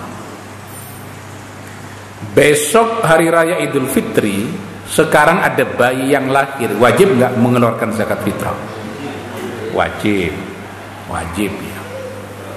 Itu biar tahu bedanya kapan waktu kita mengeluarkan zakat fitrah dan buat siapa mengeluarkan zakat fitrah Kalau tanggal 30 Syakban meninggalnya wajib nggak mengeluarkan zakat fitrah? Tidak wajib. Jadi masuk Ramadan dia menjadi wajib mengeluarkan zakat fitrah. Kalau bayi itu lahir bersamaan dengan Idul Fitri, imam mau memimpin sholat Idul Fitri, ada bayi yang lahir, wajib gak dikeluarkan zakatnya? Tidak wajib. Kenapa tidak wajib? Tidak mengikuti bulan Ramadan. Udah pinter-pinter ya. Ini yang ngajar siapa ini? Pak Fuad atau? Oh Pak Haji Jadi kita sudah membahas banyak ini ya Zakat fitrah, zakat mal Apalagi Sedekah, infak Kalau infak itu ada yang wajib Tapi tarifnya tidak ditetapkan oleh Allah Contohnya seperti Nafkah yang diberikan suami pada istri Itu wajib. Tapi berapa tarifnya? Gak ada ketentuannya kan? Nggak ada tapi wajib. Kata Quran wa in kana dzu usratin nah liyunfik dzu sa'atin min sa'ati. Kalau penghasilan saya sebulan 500 juta 500 juta sebulan berapa nafkah yang saya berikan buat istri Dikasih semua atau disisain buat uang laki-laki? Ada istilah uang laki-laki ya? Disisain enggak ya? Ini kalau enggak kalau enggak di kan saya lebih bebas ya. Nanti diedit yang terakhir-terakhir. Ada dosen ini diedit ini. Tapi live ya. Ada dosen misalnya gajinya satu bulan 15 juta diberikan semua untuk istri rekeningnya dipegang oleh istri pegawai negeri ya. setiap hari ketika berangkat ke kampus istrinya yang ngasih 30 ribu karena sarapan pagi di rumah sarapan siang di makan siang di kampus makan malam di rumah. 30 ribu. Jadi ST sop iga cukup. Cukup. Ya kan? Artinya dia tidak bisa mentraktir. Mahasiswa mahasiswi dosen perempuan dan lain-lain kan nggak bisa. Ini istri cerdas sekali ini.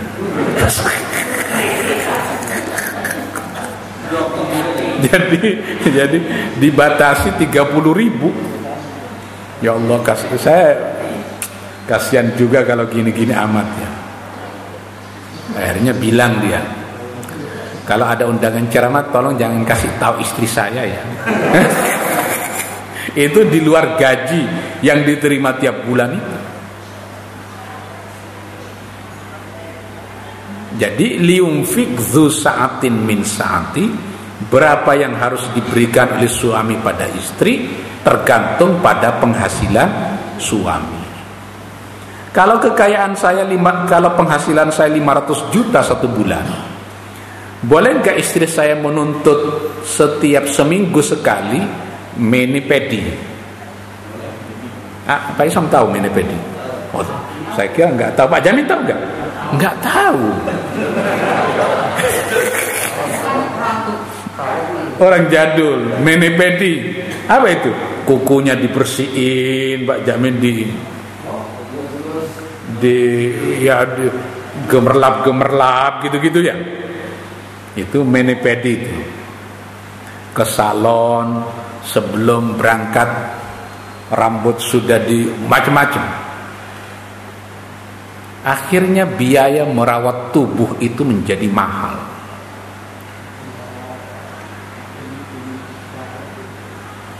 Padahal kata Ibnu Ruslan di dalam kitab Zubat wal jismu yubla ghaira mujbid nabi wa masyahidun baliyan wala nabi. Seluruh tubuh kita ini pasti akan hancur. Tapi ketika hidup biaya perawatannya tinggi sekali setiap anggota tubuh ada asistennya kan ada asisten yang ngurusi yang ngurusi telinga jadi kalau dua telinga dua asisten gitu pokok kerjaan asisten itu udah ngurusi telinganya dibersihin pagi-pagi ada yang ngurusin kakinya. Biayanya menjadi mahal sekali. Makanya ada orang ngasih nafkah ke istrinya setiap bulan bisa ratusan juta ya. Karena yang diurus begini-begini. Nanam benang boleh nggak nanam benang? Untuk kecantikan. Biar tidak kendor. Jadi mukanya ini usia 20 tahun turun ke leher 50 tahun. Leher kan susah diapa-apain ya. Nah, nanti ada pembicaraan lain. Nanam benang untuk kecantikan. Kalau suntik silikon kan beda ya. Ini nanam benang aja oke udah jam setengah tujuh ya. Adalah cukup lah ya mau nanya? Nah. dari Pak Alham. Uh, mau, mau, mau mendapat penjelasan lebih lanjut terkait segala yang bisa memiliki tapi tidak bisa dimiliki. Setiap yang bisa memiliki tak bisa dimiliki. Contohnya masjid tak bisa dimiliki karena bisa memiliki. Istri bisa memiliki karena itu istri bukan punya dari suaminya. Istri bisa punya gelang, punya tanah, punya uang bisa karena itu istri bukan milik dari suaminya jadi tidak ada yang memiliki manusia kecuali zaman dulu zaman perbudakan kalau budak itu bisa dimiliki budak Nabi Muhammad saja sallallahu alaihi wasallam sebanyak 42 budak itu bisa dimiliki tapi sejak Islam terus deklarasi siapa yang melanggar hukum, sanksinya adalah tahriru raqabah, memerdekakan budak. Lama-lama budak itu nggak ada. Kayak siapa budak sahabat Nabi? Banyak ya. Abidhar al-Ghifari itu budak dimerdekakan. Sekarang sudah nggak ada perbudakan karena itu TKI yang berangkat dari Indonesia menuju Arab Saudi itu bukan budak. dan kita sudah dilarang ada yang disebut dengan eh, undang-undang penghapusan apa itu? Trafficking ya. Jual beli anak dan perempuan tidak diperbolehkan. Jadi sejak perbudakan sudah dihapuskan sekarang setiap manusia tidak ada yang bisa dimiliki. Anak bukan milik dari kita. Tapi setiap yang bisa dimiliki tak bisa memiliki meja ini kan bisa dimiliki maka meja tak bisa memiliki handphone ini kan bisa dimiliki maka dia tak bisa memiliki jam tangan ini kan bisa dimiliki maka jam tangan tak bisa memiliki tapi setiap yang bisa memiliki tak bisa dimiliki. Paham kan? Memang ini baru ya. Baru dengar atau gimana? Baru ya. Rumit nggak sih? Puasa-puasa suruh mikir begitu rumit. Masker bisa dimiliki, maka masker tak bisa memiliki. Tiba-tiba masker punya mulut. Mulut itu bukan milik dari masker karena masker bisa dimiliki, maka masker tak bisa memiliki. Pak Isam pulang dari sini, ngomong sama istrinya, Ma, ternyata yang bisa memiliki tak bisa dimiliki. Saya selama ini menyangka engkau adalah milikku. Ternyata engkau bukan milikku. Karena engkau bisa memiliki, maka engkau tak bisa dimiliki dugaan saya selama ini keliru wah berat berat Pak Haji Wahid datang ke rumah bilang juga ternyata selama ini kita keliru mang apa ternyata keliru ya apa belum dibuka ini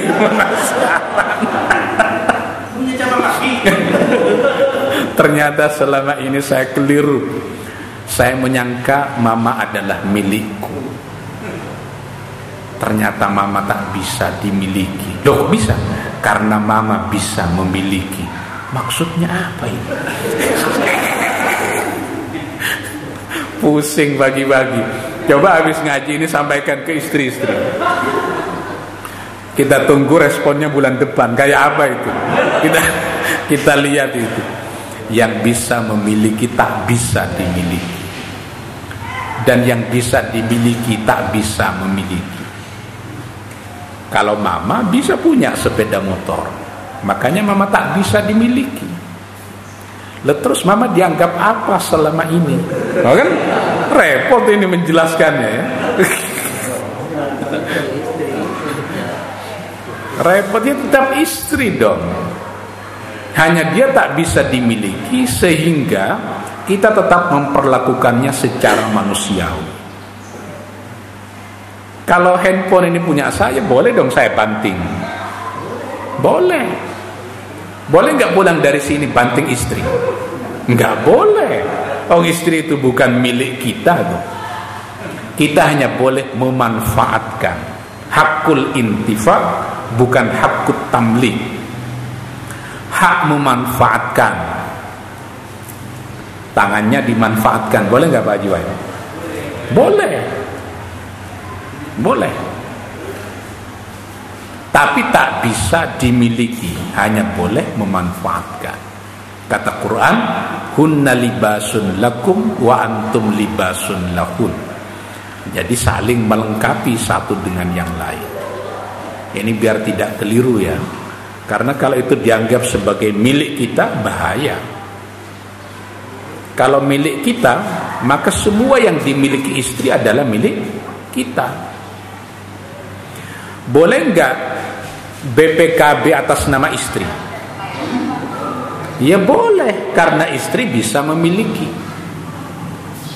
Dengan sangat baiknya Pak Haji Wahid, seluruh kekayaannya atas nama istri. Boleh enggak? Boleh. Rumah, perusahaan, semuanya atas nama istri. Boleh.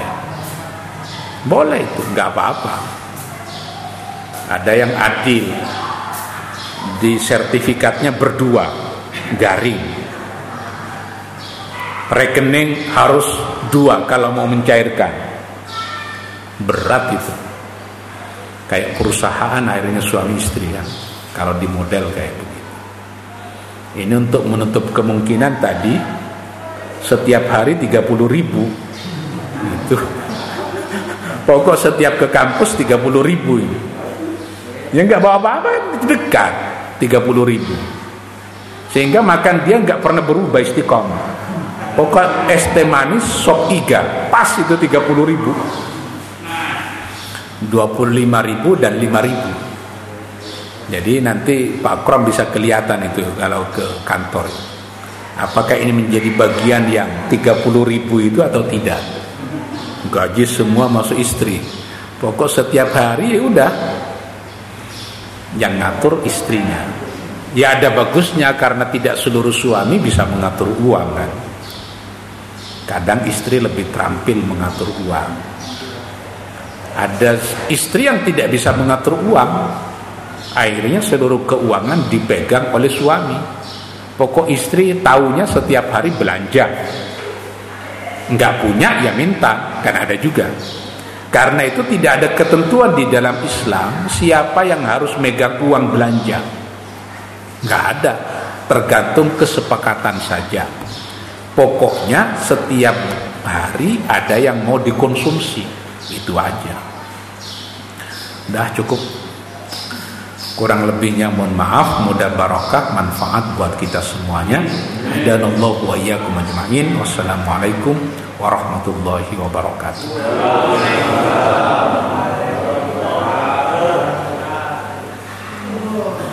ya ada makanan ya